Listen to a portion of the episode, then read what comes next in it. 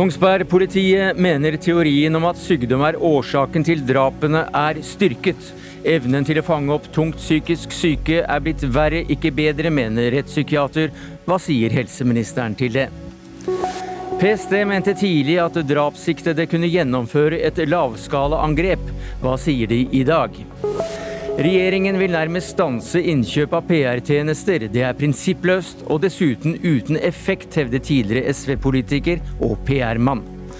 Og Sians bymøter koster millioner i vakthold. Feil at storsamfunnet må betale for slikt, hevder ordføreren i Porsgrunn. Ytringsfrihet koster, sier Høyre-politiker.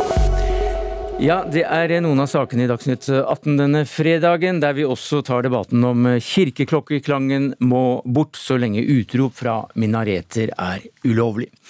Men vi starter i dag i eh, Kongsberg eh, denne fredagen. For der er statsminister Jonas Gahr Støre og justisminister eh, Emilie Enger Mehl på besøk. Karoline Bekke Lund Hauge, du er reporter for NRK i Kongsberg. Hva har regjeringsmedlemmene gjort i dag? Ja, Det kan jo statsministeren få lov til å svare på sjøl. Han kom hit eh, til Magasinparken i Kongsberg for eh, bare noen minutter siden. Og ble møtt av eh, sykehusdirektør, av ordfører, av en av de nye stortingsrepresentantene for Arbeiderpartiet, og også av en av byens unge kvinner som var overlevende etter Utøya. Og Vi så at det var en veldig rørt statsminister som bøyde seg ned og tente lys og la ned hvite roser. Eh, jeg ser jo fremdeles at du er eh, prega av det du har sett. Går det an å beskrive de inntrykkene som du får når du kommer hit til byen? Det er veldig sterkt. Eh, for meg så er Kongsberg en by som rimer med trygghet og lang norsk historie. og Det å komme her og oppleve den sorgen som mennesker føler, det er en slags kollektiv sorg eh, etter noe så uh, ufattelig tragisk. Jeg har møtt uh, de som sto midt oppi da det skjedde, hørt deres historier, og det er veldig sterkt. Samtidig så vil jeg berømme en kommune som trekker sammen når noe sånt skjer. Det sivile samfunnet, moskeen, kirken som står sammen. Og folk kommer sammen i Kongsberg. Det ser vi her. Det er blitt en norsk tradisjon å tenne lys og samle seg. Og det er viktig på en sånn stund. Vi må jo tenke på de som er gått bort, og ikke minst nå de eh, som er i familie og pårørende og lært beslektet, som nå lever med en stor, stor sorg. Mm. Har du vært noen timer på Kongsberg nå? Hva er det du har gjort?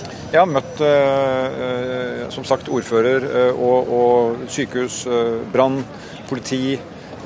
De ulike delene av det, det, det, offisielle Kongsberg som har trådt sammen. Og Jeg har inntrykk av at de har gode rutiner, jobber bra. Det er eh, krisetelefoner, det er tilgjengelighet. Folk kan henvende seg, og de kan få hjelp og oppfølging. Og Du takket nå Kongsbergs befolkning for å stå sammen. Hvor viktig er det? Det er jo veldig viktig, og budskapet vi kan formidle da, som regjering er at eh, jeg tror hele Norge er sammen med Kongsberg. Eh, det, det, det, er, det er gjør dypt inntrykk på alle mennesker som er også langt unna. Og Jeg har jo tatt imot hilsen og i forbindelse med en ny regjering fra uh, politikere over hele verden som sender hilsen. og Jeg håper at folk i Kongsberg tar det til seg. For når noe sånt skjer, så skal de også oppleve at uh, folk ikke står alene. Og så er det veldig viktig at vi nå bevarer ro. tegn på at noen begynner å vende seg mot grupper og gir dem skyld. Det må vi stå imot. For her kan også folk være sårbare i ettertid. og Det har vi et ansvar for å forebygge. Hva må du ta med deg inn i din første tid som statsminister nå? Altså, dette er jo eh, et tema som handler om innbyggernes eh, sikkerhet og trygghet, og ikke noe er viktigere for en regjering. Så det handler om å ha rutiner og kapasitet til det. Det er veldig viktig for vår regjering. Det handler om den spisse enden, som jeg sier, at vi har politi som har både utstyr og erfaring til å kunne gripe inn. Samarbeid med brannvesen, samarbeid med ambulanse osv. Men dette temaet, som vi nå må lære mer om, vi må se etterforskningen hva som er eh, det dypere årsaken det som har skjedd, det er noe vi alle egentlig må stille opp på for å gi trygghet. Eh, en slik person som vi nå har hørt om, har vært noens nabo. Noens eh, kollega, kanskje. Så vi er som samfunn også ansvarlig for å holde tette samfunn og ta vare på hverandre. Det tror jeg er en del av den bredere forebyggingen. Og så må vi lære mer om det som kan føre til utenforskap. Det tror jeg er et generelt viktig tema som vi har lært i Norge og også i lignende eh, hendelser i andre land. Vi må trekke erfaringer på det, og det kommer vi til å prioritere. Men bør det en ekstern granskning til? Altså jeg legger til grunn at Politiet kommer til å gjennomgå erfaringen med dette. Nå skal de gjennom, sluttføre det arbeidet de er i. Jeg ser Politidirektoratet har allerede varslet de vil ha en gjennomgang av erfaringer med det. det. Eh, det. skal skje i tur og orden. Men nå skal vi også ta vare på de politifolkene som har stått midt oppi dette. Jeg har fått ganske sterke historier for hva de har opplevd, og de fortjener også å bli sett og, og tatt vare på. Men viser denne hendelsen at bevæpning av politiet er nødvendig? Eh, jeg synes ikke kan, du kan trekke den konklusjonen. Her ble de bevæpnet veldig raskt da det var nødvendig. Og det har vi rutiner for i Norge. Men uh, vårt politi er et politi som eh, er trygt i gatene og tilgjengelig. Og vi er jo opptatt i vår politikk at politiet skal være nærværende, til stede, og noe folk vet vil gi trygghet når, når det trengs. Det er mange som vil snakke med deg nå, både utenlandsk presse, norsk presse. Du skal få lov til å gå videre, men kommer du til å snakke med noe av byens befolkning her før du drar? Jeg har snakket med flere allerede, men jeg håper jeg får anledning til det, ja. ja hva sier de til deg da? Det er jo en dypt preget befolkning her, og det har jeg veldig forståelse for. Eh, det at man kommer sammen på denne måten er også en måte å ta vare på hverandre. og Veldig mye kan sies uten for mange ord, tenker jeg en sånn stund. Det er også noe med å være stille og ettertenksom. Mm. Føler du at du er i stand til å gi dem trøst? Ja, Det tror jeg alle kan gjøre. Vi kan være hverandres eh, neste her. og Det er viktig i en sånn stund. Tusen takk, Jonas Gahr Støre. Og nå er det mange andre pressefolk som eh, stormer til. Som dere ser, så blir jeg altså sittende fast her eh, nærmest. Men det er mange mennesker som venter, og som håper også å kunne få Jonas Gahr Støre i tale. Og mengden av lys og blomster her i Magasinparken, den bare vokser. Takk skal du ha, Karoline eh, Bekkelund Hauge fra Kongsberg. Vi skal holde oss eh, i eh, byen, for der er også du, Olav Rønneberg. Du er krimkommentator her i NRK, og du står utenfor et av åstedene for drapene. Hvordan vil du beskrive området? Dette er jo et område i sentrum av Kongsberg. Et ganske lite område med forholdsvis trange gater. husene her ligger ganske tett i tett inngangsdørene er på gateplan. og Det er jo akkurat i denne gaten her da, hvor gjerningsmannen har tatt seg fra hus til hus og også drept folk innendørs. Politiet har akkurat nå eh, hevet sperringene i gaten her. Så også her har folk nå begynt å komme og legge ned blomster og tenne lys til minne om de som eh, ble drept. Hva sier politiet i dag, som de ikke sa i går, om det som hendte? Det de sier er at de tror det er et uh, mye større antall fornærmede enn det som hittil er kjent i saken. Dvs. Si personer som ble fysisk uskadd, men som ble skutt etter med pil og bue. Slik jeg leser politiet, så mener de at det er ganske mange. Uh, og De sier derfor at siktelsen mot gjerningsmannen vil bli utvidet, antageligvis til også å gjelde drapsforsøk på disse som da måtte flykte for livet og ble skutt etter med pil og bue. Uh du var på politiets pressekonferanse i dag. Sa de noe mer om motivet?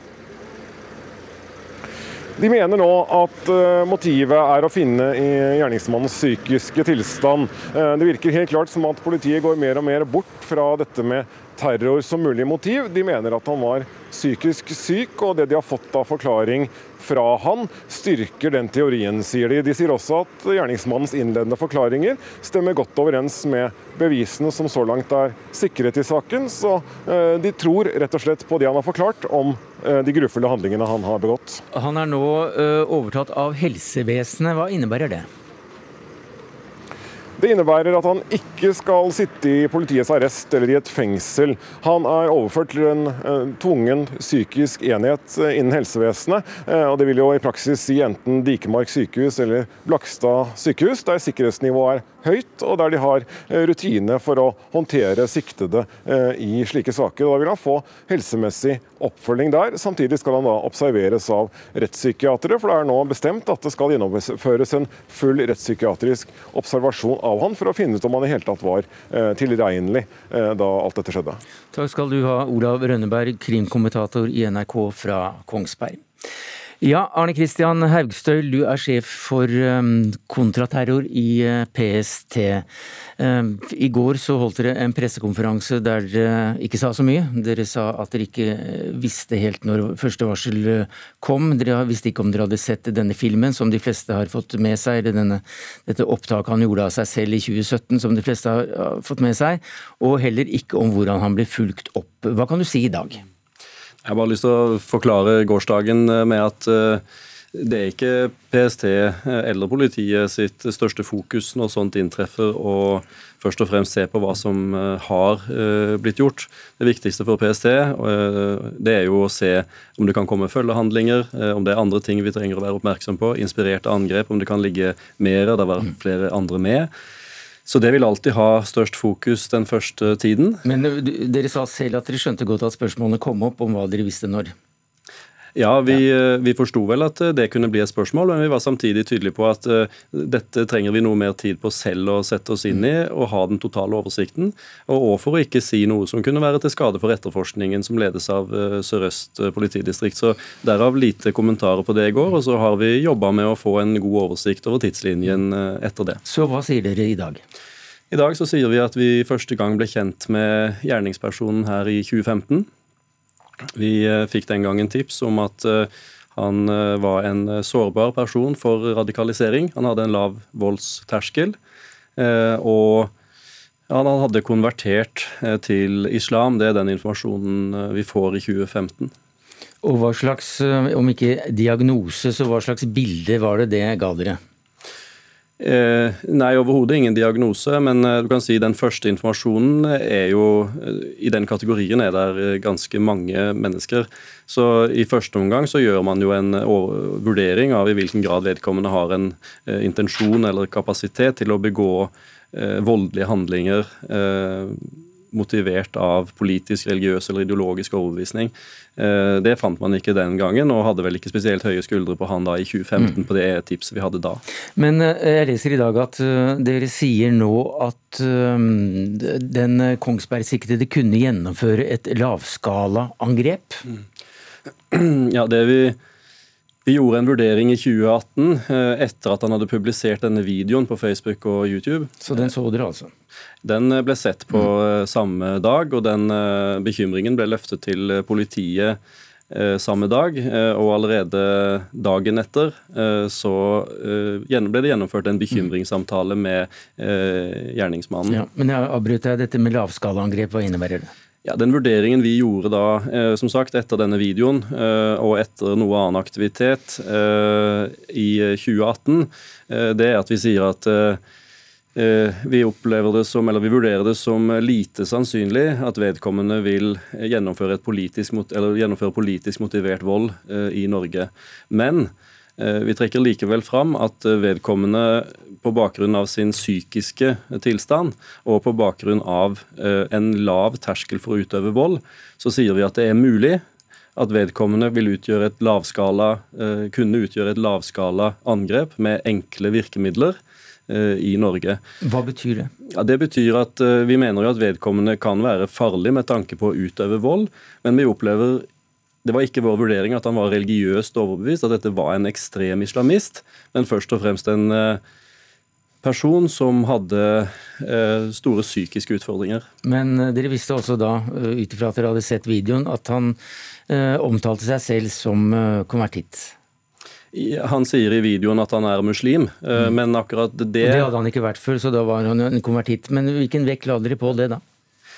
Nei, Det at han sier han er en muslim, er jo ikke det som er bekymringsfullt i den videoen. Det er mange som konverterer til islam, og som det er høyst legitimt. og Eh, ikke noe som, eh, som berører PST. Eh, men han har jo noen uttalelser i den videoen som er grunn til å bli litt bekymret av. Og Det var grunnen til at vi gjennomførte en bekymringssamtale. Mm. Det ble òg gjort en vurdering av påtale i både PST og i politiet i hvilken grad disse uttalelsene han hadde i videoen var straffbare. Men konklusjonen på det var at dette ikke var spesifikke trusler, og at de ikke var straffbare som sådan. Mm. Men det medførte at vi likevel tok en bekymringssamtale dagen etter. Jeg nevnte dette med konvertitt spesielt for at vi skal komme tilbake til i en senere samtale her i, her i Dagsnytt 18 denne fredagen. Men uh, at han da uh, kunne gjennomgå lavskala, et lavskalaangrep, det er ikke nok til å, å, gå inn og, og ta spesielle hensyn eller bringe han inn på en annen måte enn bare for en samtale? Nei, eh, dette er jo en, en, vurdering vi gjør i forhold til hvilket voldspotensial han eh, har. Det som er viktig for PST, det er jo å se eh, hva slags tiltak kan vi iverksette for å unngå at nettopp det skal skje.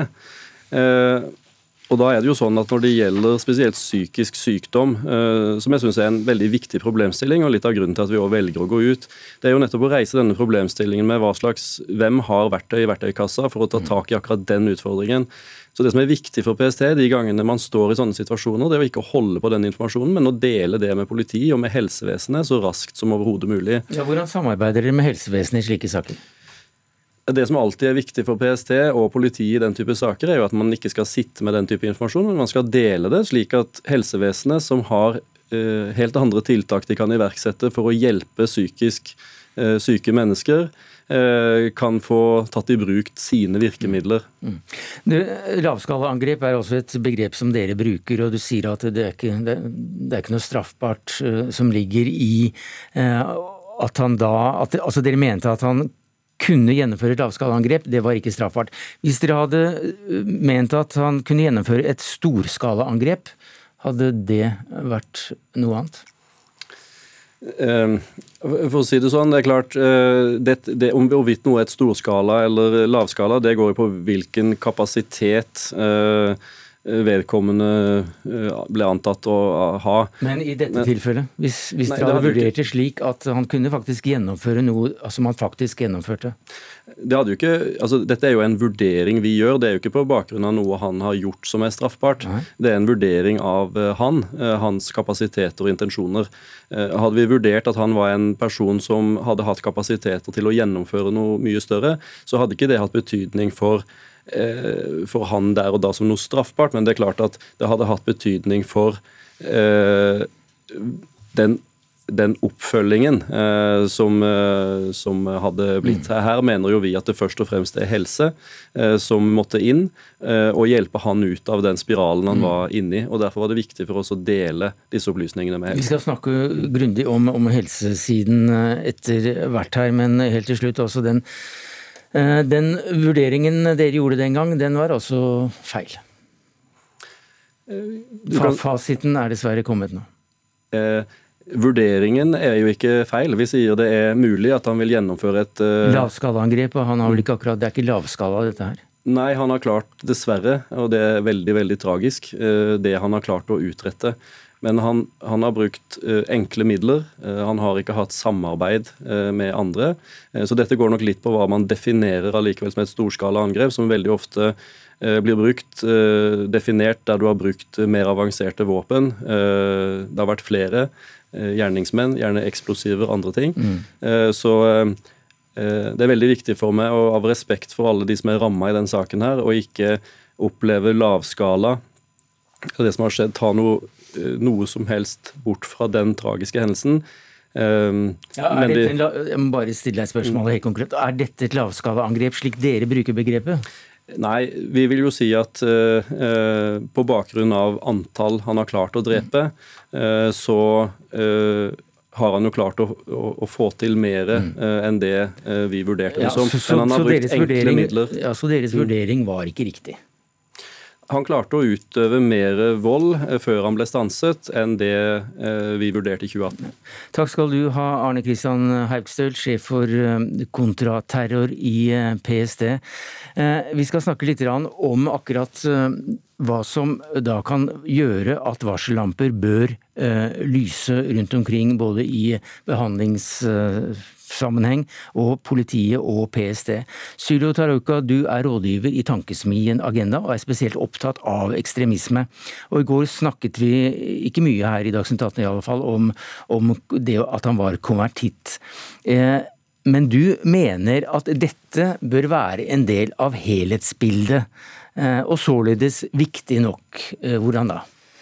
Eh, først, eh, Vi snakker om en sak hvor veldig mye er uklart, så vi må være veldig varsomme med, med å spekulere her. Eh, mens politiet gjennomfører etterforskning, så pågår det en debatt der ute om psykiatri versus ideologi. Men vi, vi kan snakke litt generelt om, ja, om når, når, dette med konvertitt kommer inn, hva slags hva slags ekstra dimensjon eh, gir det en sak? Ja, for eksempel PST sier at det at man har konvertert til islam i seg selv, er ikke noe man bør bekymre seg over. Fordi det er eh, mange som konverterer, eh, og det er en naturlig ting å, å gjøre. Men den kombinasjonen av risikofaktorer tenker jeg burde få PST og så burde du få alle varsellampene til å lyse hos PST. Altså, du har med en person altså, med utenforskap å gjøre, du har med psykiatri inn i bildet. Han har vært i kontakt med politiet før. Og du har også denne konverteringen til, til islam. Og konvertitter som blir radikalisert, er ekstremt overrepresenterte som jihadister. Eh, så når du ser disse tingene i sammenheng, eh, så virker det som eh, da snakker vi om en potensielt veldig farlig person. Psykiske forstyrrelser, lav terskel for å bruke vold og en konvertitt. Det som gjør en konvertitt veldig sårbar, er at man gjør en radikal endring i, i, i sitt liv. Det kan være pga. en livskrise man har hatt. Man ønsker å skifte identitet og starte på nytt. Og da foregår det en Da har man en slags kognitiv åpning som gjør, det, som gjør denne personen veldig mottakelig for ekstremistisk tankegods. Han blir veldig lett manipulerbar. Kan bli påvirket av både eh, ekstremistisk budskap ute på nettet, men også av et miljø. Vi vet ikke om han var en del av et miljø. Så jeg ville vurdert denne personen som svært farlig. Haugstøl, du sitter her fremdeles. Hva sier du til dette? Jeg tror det er viktig å si er at uh, Vi har jo tatt uh, dette på uh, høyeste alvor. Det som er et spørsmål, er hvilke tiltak vi har å bruke mot den type mennesker. Denne konverteringen skjedde i 2015. Denne handlingen han har utført, skjer seks år senere. I den perioden så må man jo forsøke å få tiltak så at man må få gjort noe med det. Det er dessverre sånn at det er ganske mange mennesker eh, i denne kategorien. Eh, og det er ikke sånn, og man ønsker heller ikke et samfunn der PST eh, skal overvåke disse så tett at man kan ha noen garanti for at ikke de lykkes med å utøve vold. Mm. Så det som er et spørsmål, det er jo hvem har tiltak til å hjelpe disse menneskene på bedre tanker. Og der mener jeg at når det kommer til syke psykisk syke personer, så er det andre enn PST og politiet som har de verktøyene som kreves. Jo, Men hvis vedkommende da samtidig har en voldelig bakgrunn, har eh, tendenser til å bruke vold veldig raskt, er utenfor eh, samfunnet, eh, ensom og er en konvertitt, så mener jo da Tarako her at det er en pakke som samlet gjør at rødlysene burde vært tent atskillig sterkere på i, i PST. At han var mye farligere enn det, det dere gir uttrykk for, at dere har vurdert han som. Mm. Uh, ja, uh, og det synes jeg òg at etterforskningen skal vise her. Jeg har ikke tenkt å, jeg sitter ikke her heller for å frikjenne verken PST eller noen andre. Jeg er her for å reise en problemstilling som er fryktelig krevende for norske myndigheter totalt sett å løse. Mm. Um, og jeg tenker at etterforskningen vil vise om vi har gjort det vi kunne, eller om vi burde ha gjort mer. og det gjelder alle instanser. Så jeg sitter ikke her for å være bombastisk på at, vi har, at vi har vurdert og gjort alt riktig. Takk. Ja, også her har, har alle vi et ansvar for å bekjempe ekstremisme og for å forebygge eh, radikalisering. Eh, også vi ordinære mennesker har et ansvar. Det er en del av samfunnskontrakten. og jeg vil gi honnør til alle de som har gitt tips og sendt bekymringsmelding til politiet. De, det står stor respekt av det, det er sånn vi skal gjøre. Men på myndighetssiden så har oppfølgingen ikke vært bra nok. og det er noe vi må lære av. Også det har sviktet på tre nivåer her. Det ene er at vi snakker om en person som trenger hjelp, som ikke har fått hjelp fra hjelpeapparatet. Eh, vi snakker om en bekymringsmelding eh, rundt radikalisering som ikke er blitt fylt opp på en god måte. Resultatet viser det. Og for det tredje så, eh, så har det sviktet også eh, under selve eh, handlingen. Også at han klarer å drepe fem personer etter første kontakt med politiet. Så her er det mange ting vi må dessverre igjen ta lærdommer av. Lina Nord, du er leder i Minotenk, altså denne tenketanken da, som jobber med minoritetsspørsmål. Og du er selv konvertert til islam og kjenner miljøet veldig godt. Hvordan eh, oppleves det å være muslim i Norge i dag, når du har snakket med folk du kjenner? Det er klart, når de første beskjedene kom fra Kongsberg om at det hadde blitt begått eh, drap, så, så, var jo veldig mange redd for at det skulle være en terroraksjon. Og så klart med en gang eh, denne annonseringen om at det var en konvertitt, så, så, var det jo da mange som var redd for at det skulle være et jihadistisk motivert angrep. Eh, men når det er sagt, så vil jeg jo advare veldig sterkt. Jeg vil si at jeg er veldig enig med PSTs vurdering her. For det er for det første et veldig langt tidsrom. Så om noen har konvertert for så lenge siden, så trenger ikke det ha noe som helst å si for denne personens motivasjon en dag i dag. Eh, og at eh, konvertitter er overrepresenterte i, jihadistiske miljøer, bl.a. blant fremmedkrigere til IS, stemmer. Men det er fortsatt snakk om veldig, veldig, veldig få mennesker. Og jeg tenker at Hvis jeg skulle ha rådgitt PST om akkurat denne saken, her for eksempel, så ville jeg jo spurt om eh, forskjellige ting eh, utover bare det at han sier at han er muslim. Jeg ville spurt om har han hatt noe kontakt med noen jihadistiske miljøer, har han vært aktiv på jihadistiske nettforumer, har han vist sympati til ulike jihadistiske kampsaker? Det er mange sånne helt andre varsellamper enn akkurat det at han sier 'jeg er muslim'. Eh, og sier noe annet rart. Altså, han snakker ikke som en, på en måte, sånn typisk jihadist. Og det er veldig mange sånne videoer ute, så det ville vært veldig lett for han egentlig å kopiere hvis, han, hvis de hadde vært viktig for han å fremstå, fremstå på den mm. måten. Mm. ja, også det er eh, snakk om en eh, Det virker som en, han er forstyrret og ikke så veldig religiøst eh, og overbevist, eh, i hvert fall i, i, den videoen der. Eh, selv om han bruker hans muslimske identiteter. Så vi vet ikke så mye om motivet, og vi vet ikke om han er strafferettslig tilregnelig. Men, og han kunne ha omfavnet en annen ideologi. Det er kanskje tilfeldig at han har konvertert til islam. Han kunne ha konvertert eller blitt høyreekstrem. Så det er ikke på en måte det, det største poenget der. Men, men at han hadde mange risikofaktorer som gjør at en sånn bekymring eh, blir eh, veldig alvorlig. Så, så jeg, jeg, tenker at eh, folk må fortsette å tipse PST om slike tilfeller. Dessuten så var jo moskeen, den lokale moskeen i Kongsberg svært skeptisk til, til at han kom og sa at han da var muslim.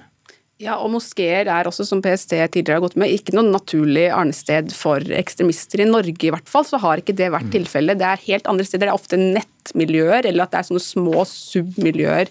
Eh, og de er stort sett i veldig stor grad kjent også for både eh, de muslim, øvrige muslimske miljøene og ikke minst også eh, PST. Så dette her er komplisert. Jeg tenker Det viktigste her er jo at vi må se på hvordan mennesker som er så alvorlig psykisk syke, for dette er ikke bare psykisk syk, dette her er alvorlig psykisk sykdom som eh, vi må forebygge på en mye bedre måte. Og Det skal vi komme tilbake eh, til nå, når vi slipper dere ut av studio. Takk skal du ha, Linda Nord, leder i Minotenk, Sylo Taraku, rådgiver i Tankesmien Agenda, og til deg, Arne Christian Haugstøl, sjef for kontraterror i PST.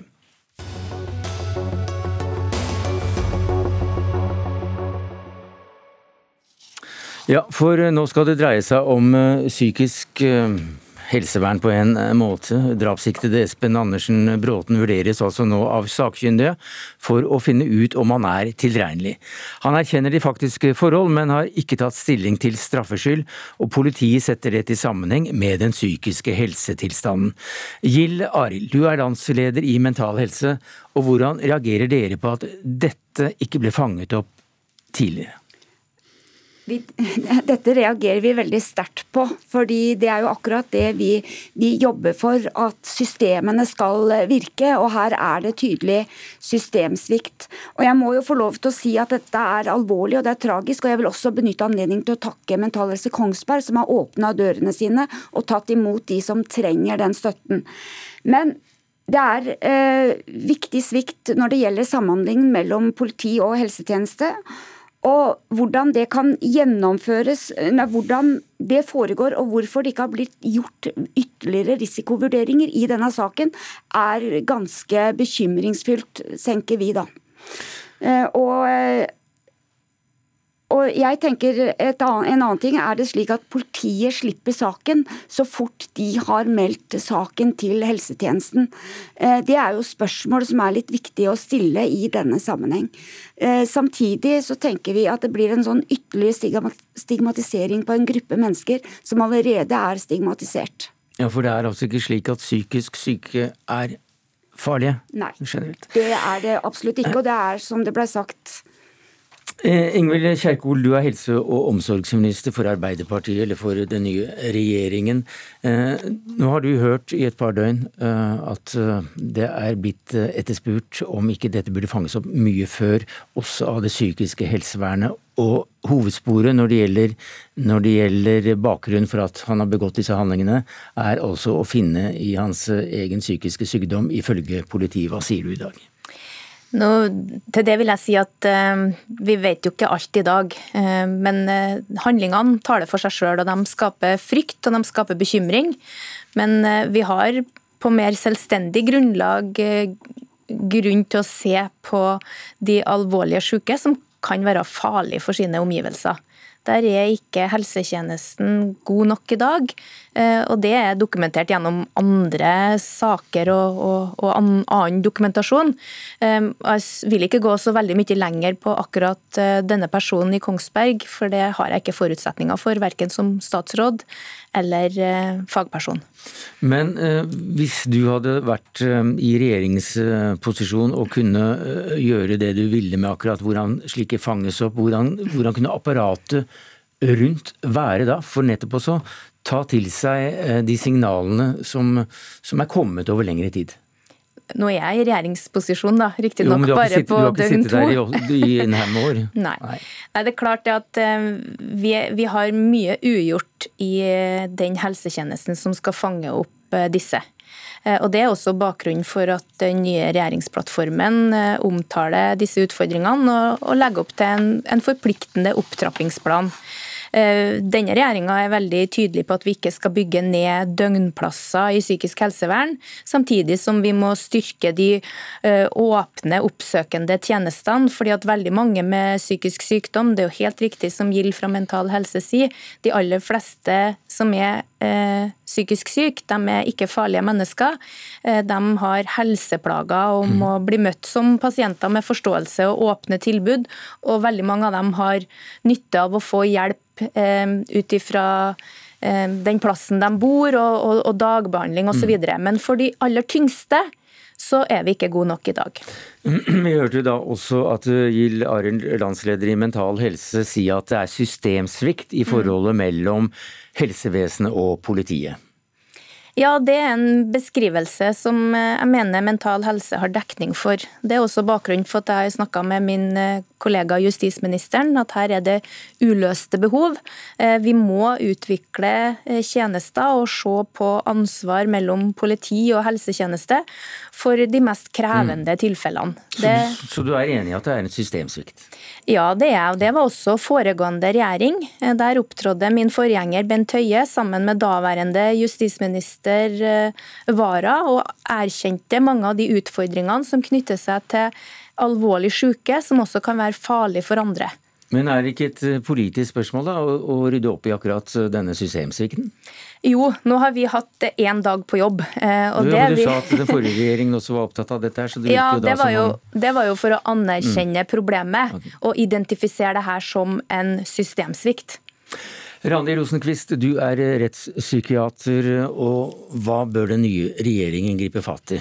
Det aller første den nye regjeringen bør gripe fatt i, er å stanse salg av de psykiatriske sykehusene over hele landet, som nå helseforetakene planlegger å selge for å finansiere somatiske sykehus. Så må man innse at det er noen pasienter som ikke blir friske av to uker eller to måneder i psykiatrien, men som trenger langvarig omsorg, også under tvang. Og man må legge til rette for at eh, sykehusene har kapasitet nok til å gi en en alvorlig syk pasient kanskje tre års sammenhengende behandling i institusjon, og så gode boliger etterpå.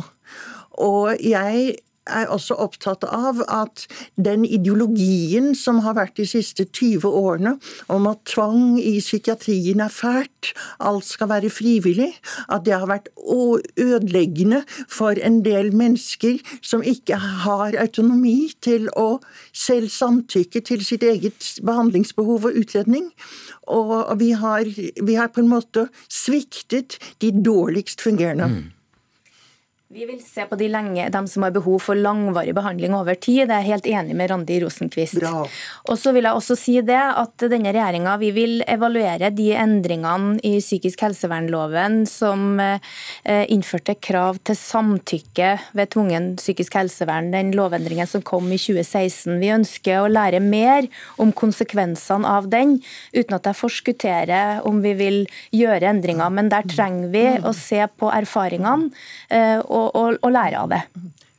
Jeg opplever jo at det er så vanskelig å få aggressive, truende, urolige menn innlagt i psykiatrien. For de krever mye ressurser, og psykiatrien er ikke motivert for det. For de skal jo ha frivillige pasienter som de kan behandle raskt. Og, og dette, dette syns jeg er et kjempeproblem for samfunnet. Jeg er veldig enig med det som blir sagt fra en, en, dyktig fagperson, åpenbart. Og det vil være folk som trenger langvarig oppfølging, og som vil ha eh, ganske dårlige utsikter til det å kunne bli ferdig med sin psykiske sykdom også. Eh, dette må vi se nærmere på. I den nye regjeringserklæringa så forplikter vi oss til en opptrappingsplan, og også til å stanse nedbygginga av døgnplasser. Så må jeg også si at det har jo vært en faglig utvikling knytta til det å få mer eh, åpen åpent og tilgjengelig hjelpeapparat, og hjelpe mm. alle dem som har nytte av det. Det beste er å kunne, for dem som det er riktig for, leve, bo normalt og så få en god helsetjeneste. Gil Arild, ja. landsleder i Mental Helse, du må nesten få siste ordet, for tiden går så aldeles for fort for oss her. Eh, men hva er det første du mener den nye regjeringen begriper fatt i, eh, i lys av hendelsene i Kongsberg?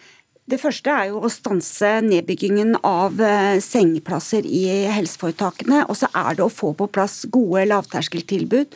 Og så tenker jeg de som eh, blir dømt til psykisk helsevern, må få en verdig behandling den mens de soner den dommen. Og de alvorlig psykisk syke må også få eh, god nok behandling. Mm. Da er den utfordringen kommet fra Gild Arild, landsleder i Mental Helse, til Ingvild Kjerkol, Kjerkol helse helse- og omsorgsminister, og takk også til Randi Rosenquist, rettspsykiater.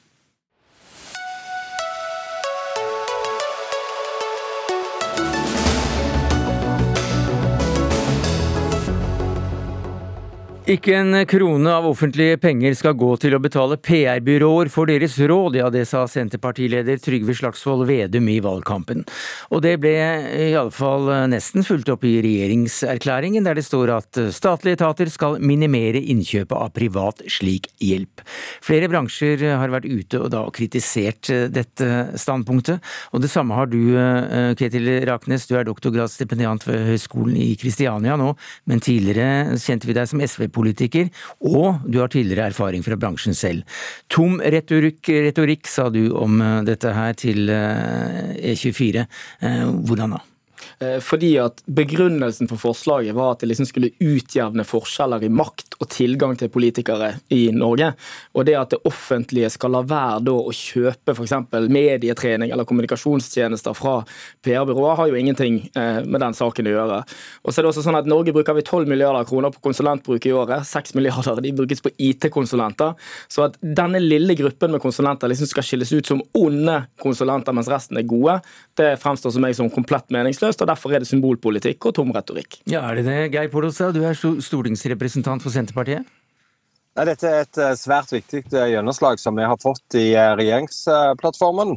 En del av PR-byrået snakker jo om at de flytter makt. Nå har vi fått makt, og vi bruker den makta til å flytte makt vekk fra PR-byrået, vekk fra de pengesterke og over til helt vanlige folk.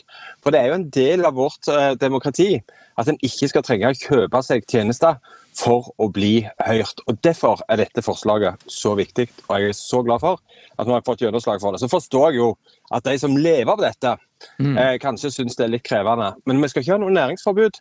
Enhver kan kjøpe PR-tjenester hvis de ønsker det, men vi vil ikke bruke skattebetalerne sine penger på det.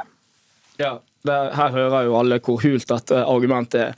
Den interesseorganisasjonen i Norge som er sterkest har mest penger enn norsk olje og gass, fikk det akkurat som de ville på forhandlingene på Hurdalssjøen. Eh, Bondelaget er også en sterk næringsorganisasjon i Norge som fikk stort gjennomslag på Hurdalssjøen. Så, så dette her er argumentet om at denne regjeringen liksom, Nå er det vanlige folk sin tur, og disse sterke interesseorganisasjonene skal ikke få noe gjennomslag. Det er jo bare tull. Eh, og det, og det gjør retorikken enda tommere. Men hvis, hvis, det bare er tom retorikk, så trenger jo ikke bransjen eh, bry seg, for da har det ikke noe betydning. Realiteten er jo at det her bruker en eh, kanskje bortimot så mye som en milliard i året. Men det andre er jo den prinsipielle tingen her. Eh, jeg ble f.eks. kontakta eh, som stortingspolitiker av Statskog, som hadde leid inn et PR-byrå som intervjua meg som nøkkelperson, som jeg ble omtalt som, som en del av deres strategiarbeid. Og jeg tenker at Når et heleid statlig selskap som Statskog skal kommunisere med Stortinget, ja, så skal de kunne ta kontakt, eller de skal kunne lese hva vi har bestemt på Stortinget. De skal ikke trenge å betale tusenvis av kroner i timen mm. til et PR-byrå. Vi må være forsiktige med skattebetalerne sine penger. Så forstår jeg at de som har levd godt eh, under forrige regjering, syns dette er litt sårt. Det, det, det, det poenget kom klart fram i ditt forrige innlegg, Raknes. Ja, men uh, du fremstiller det jo som det PR-byråene som er de mektigste lobbyistene i Norge. PR-byråer er bare noe sterke interesseorganisasjoner bruker for å kjøpe seg tjenester. Hvis det er sånn at Senterpartiet er kjempebekymret for at lobbyister har mye innflytelse i norsk politikk, så kan jo dere bare stemme for f.eks. lobbyregister i Stortinget. Dere kan åpne beslutningslistene til statsministerens kontor. Dere kan kreve åpenhet om kundelister for alle PR-byråer som har kontakt med det offentlige. Men disse forslagene stemmer dere mot i Stortinget, samtidig som dere går ut i forbindelse med regjeringsplattformen og sier at nå er det vanlige folks tur og vi skal ha åpenhet i norsk demokrati. Og Det er det jeg reagerer fokuserer på i saken, er at de samme partiene som ofte kritiserer bransjen, er de samme som med en gang det kommer forslag om åpenhet, så stemmes de ned i mm. Stortinget. Nei, men Her blir det helt feil når en sammenligner dette med f.eks. Bondelaget eller LO, som det er gjort.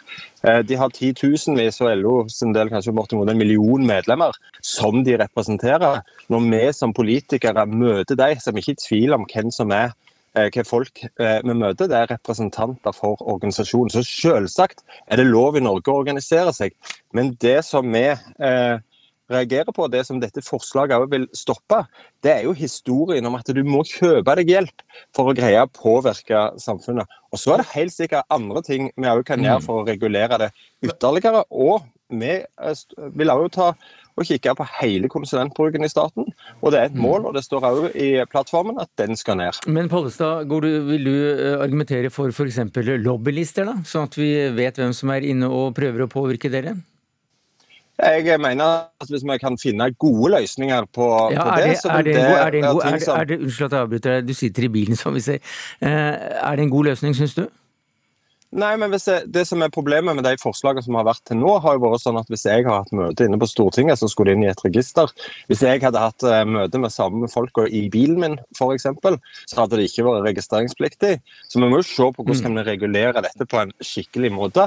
Men dette handler jo òg om skattebetalerne sine penger, og hvordan vi kan bruke dem best mulig. Og da er det å kutte i kommunikasjonsbyrå. Det, er jo, uh, det vil være bra for demokratiet, det vil være bra for staten som sparer penger, men så må vi også se på hva vi redusere PR-bruken internt i staten. For det blir altfor mye PR og pynt, eh, og litt for lite innhold i offentlig sektor. Og Det ønsker vi å snu. Det siste her er jo nettopp et eksempel på PR og pynt. Argumentet til Senterpartiet er altså hvis vi har et lobbyregister, så kommer vi til å ha møtene på steder hvor det ikke er lov å registrere, eller vi kommer til å unngå registeret. Og Det sier til meg at Senterpartiet dypest sett ikke ønsker åpenhet om lobbyismen rundt eget parti. Og da syns jeg en skal slutte å gå rundt og skylde på andre eh, for at lobbyisten i Norge har for mye innflytelse. Mm, det er i hvert fall helt åpent at det var Geir Pollestad, stortingsrepresentant for Senterpartiet, og Ketil Raknes, doktorgradsstipendiant ved Høgskolen i Kristiania, som hadde denne debatten. Takk skal dere to ha.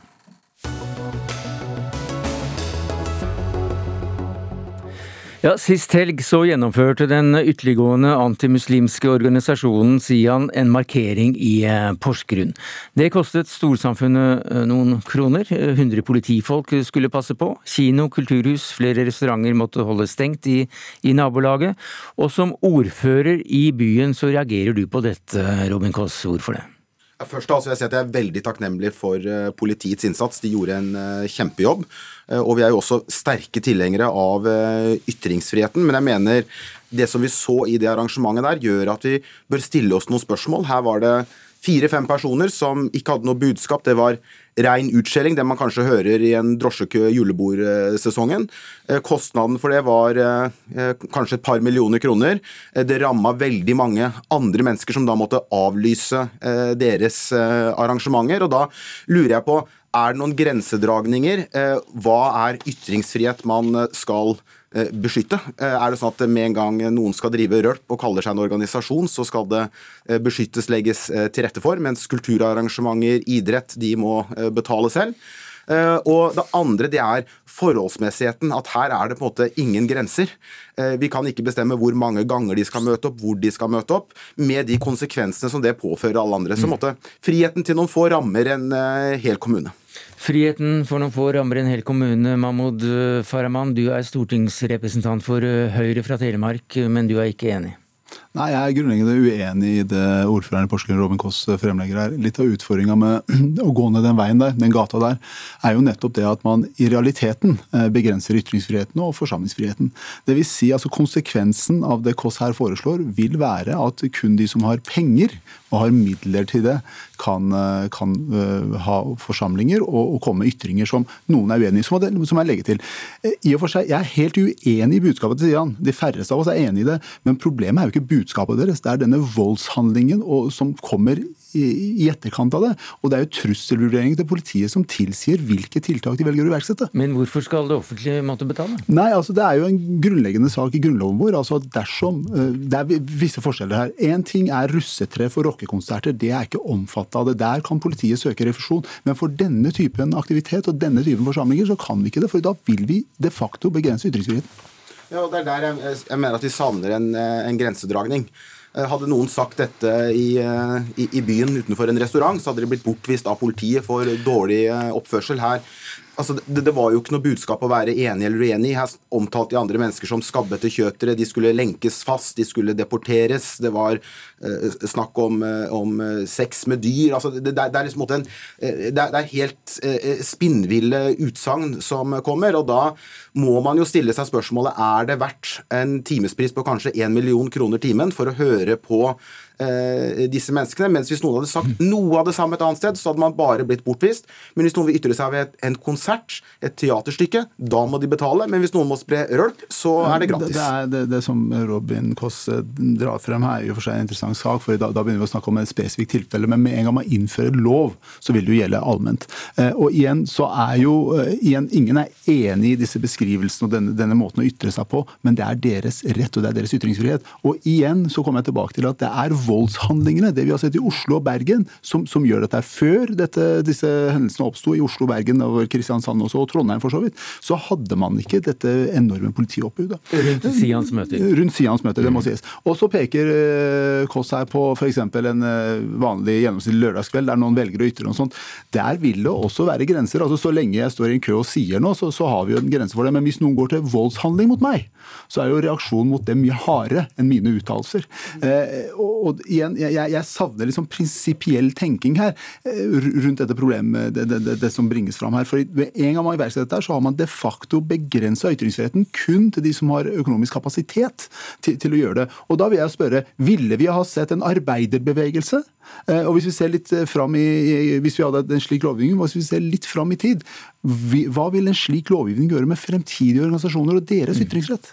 Altså, den type ytringer jo, blir jo allerede Eh, slått ned på eh, i dag, og det jo, har jo Høyesterett tatt eh, avgjørelser på. Så jeg er jo helt enig i det grunnleggende budskapet her til Mahmoud, og det er jo at man skal møte dette her fredelig. Og vi hadde det jo faktisk veldig vellykka i Porsgrunn. Vi gikk veldig aktivt ut til alle de som vi vet ønsker å markere seg jo, holde seg borte. sidene ved det, det, han sier. Jo, men altså her, her, er det noen som da har et eh, arrangement hvor de da bevisst går inn for å lage bråk. Altså hele, hele oppspillet, budskapet de har på forhånd, måten det blir annonsert på, er bevisst for å lage bråk.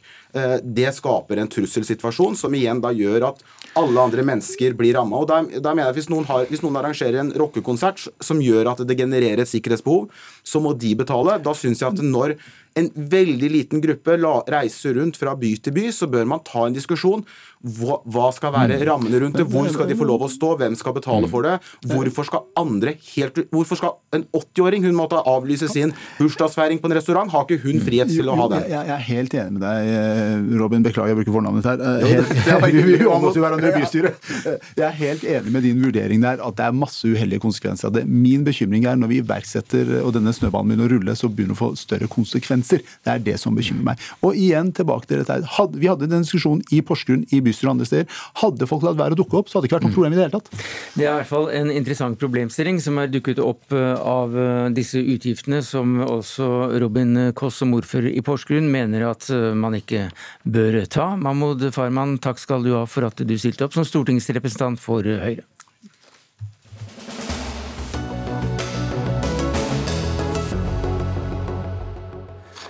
Så over til eh, kirkeklokkenes eh, klare klang. Er du en av dem som eh, liker dem, eller er du en av dem som vekkes for brått av dette bråket klokka 11 hver søndagsmorgen? Tidligere denne måneden ville en moské i Drammen søke om tillatelse til å kalle de troende inn til fredagsbønnen. Moskeen satte imidlertid søknaden på vent etter å ha mottatt både hatmeldinger og ugreie kommentarer. Men som tidligere leder av Human-Etisk Forbund, så sa du til Vårt Land i går, Tom Hedalen, at sitat, hvis ikke moskeen får eh, lov til å rope, rope ut eh, sine innkallelser, så kan heller ikke kirkene beholde kimingen sin. Hvorfor det? Eh, vi lever jo i et livssynsmangfold, og vi skal ha likebehandling i det norske samfunnet. Det skal være det grunnleggende. Og så skal vi huske det at vi har godt over 700 ulike tros- og livssynssamfunn i Norge. Og hvis alle skulle få denne rettigheten, så ville det bli et, en kakafoni av lyd til slutt, hvis alle skulle benytte seg av det. Hva sier du, unnskyld, hva sier du, Kristin Gunnleiksrud Råum, du er kirkerådsleder i Den norske kirken. Det er likestilling her i landet? Ja da, men det er også et livssynsåpent samfunn. Eh, og eh, et dårlig prinsipp er å skulle gjøre det eh, like uheldig for alle. Eh, det er ikke eh, et livssynsåpent samfunn verdig. Så eh, vi skal ha kirkeklokker sånn som vi har hatt i 1000 år. Eh, og jeg har ingen problemer med at det også eh, er bønnerop fra minaretene. Der er eh, kirkerådslederen og jeg er helt enig. Skal den ene ha den rettigheten, så må alle ha den. Så skal vi huske også at den rettigheten er i dag et unntak f.eks. fra støyforskriften i Oslo. Eh, og jeg er, eh, er av de som mener at når stat og kirke da har skilt lag, så skal vi også begynne å rydde opp i disse særrettighetene som Den norske kirke har i lovverket. Ja, så, så, du vil ikke at det skal være noen ytringer som eh, kommer fra religiøse organisasjoner ved, ved seremonier, som f.eks. kirkeklokker og, og, innkallelser fra minareten, eller eh, trommer og basuner fra hinduister, som, som kan være ganske eh, spektakulære? Jeg mener at enten skal alle ha det, eller skal ingen ha det. Og vi skal også huske det at at ingen har det, er også likebehandling. Råum, hvis ingen får det, så er det også likebehandling? Ja da, eh, men det er en dårlig likebehandling. Eh, vi blir et mye fattigere samfunn dersom vi ikke skal kunne ha eh, synlige og dette tilfellet hørbare religioner i det offentlige rom. Eh, vi har hatt kirkeklokker her i landet i 1000 år. De har ringt til hverdag og fest og krig og fred. Eh, og det er en viktig del av vår kulturhistorie. Det er en viktig del av det å være et livssynsåpent samfunn. Så eh, jeg tror vi ville blitt et mye mye fattigere samfunn hvis vi skulle sette denne type begrensninger for at tro og livssyn kommer synbart og hørbart til stede. og det skal selvfølgelig også gjelde andre tros- og livssynssamfunn. Et fattigere land? Jeg vil ikke si et fattigere land, det ville i hvert fall blitt et mindre støyende eh, land på, på, til ulike eh, tider. Og så er ikke eh, kultur- og tradisjonsargumentet spesielt godt lenger. Den norske kirke har mistet sin særstilling, og nå må vi rydde opp i det underliggende lovverket også. Ja, for Du skriver i et Facebook-innlegg at citat, klokkeringing på søndager er en rettighet som ikke lenger er aktuell? Nei, jeg mener jo at de fleste, selv jeg som ikke er en uh, hyppig kirkegjenger, vet at uh, de fleste uh, gudstjenester skjer klokken 11. Og vi vet i dag at det finnes andre muligheter. Man kan kalle inn folk ved SMS eller ulike digitale løsninger som avstedkommer mye mindre støy enn klokkeringing. Råum, er SMS et alternativ? Det kan man helt sikkert bruke i tillegg, men klokkeringingen har jo en mye bredere og videre funksjon enn det. Eh, og dette har, som jeg sa, det, det har vært for å ringe for, for, å varsle om fare. Det har vært for å ringe til eh, når bøndene skulle begynne å høste inn. Altså, dette er en veldig rik kulturhistorie. Mange av de klokkene vi har er 1000 år gamle, og skulle la dette stilne nå, det, da mener jeg vi ville blitt et mye mye fattigere, fattigere, samfunn. Det handler ikke kun om å kalle inn til, eh, til gudstjenestene, men det handler om å markere eh, høytid og hverdag i eh, landet vårt. Og så, eh, som sagt, eh, et livssynsåpent samfunn slipper alle til, både synlig og hørbart. Jeg tror ikke i dag at eh, vi varsler fare ved bruk av kirkeklokker, eller eh, at bøndene bruker det ved innhøstingen. Det er eh, et forlatt stadium. I dag så brukes kirkeklokkene i, i, all hovedsak til å kalle inn til gudstjeneste. Ja, for det er vel da slik, Råum, at troende kristne er blitt i mindretall her i landet, også blant medlemmer av, av kirken din? Ja da. Eh, det er eh, undersøkelser som eh, stiller krav til hvor man skal legge lista for å kunne kalle seg kristen. Jeg er ikke veldig imponert over alle disse undersøkelsene, men som sagt, kirkeklokkene som ringer til høytid og fest, det er en del av kulturen og historien. Og det tror jeg veldig mange ville savne hvis det forsvant. Ville du ha uh, savnet det hvis eh, minaretter eh, kom til orde på, på, fredagene, og så ble det slutt på det? Nei, det tror jeg ikke. Det, men, men, som jeg er tydelig på, hvis kirkene skal få ringe med sine klokker, så skal minarettene også få rope ut sitt budskap. Klokkene ringer etter hvert for denne Dagsnytt 18-sendingen og denne Dagsnytt 18-uka. Tom Hedalen, tidligere leder i Human-Etisk Forbund, som også da foreslår at kirkeklokkene må tie, at man heller kan sende innkalling til kirken per SMS. Takk skal du ha for at du kom til Dagsnytt 18. Takk også til deg i Marka, Kristin Gunnleiksrud eh, Råum, kirkerådsleder i Den norske kirke.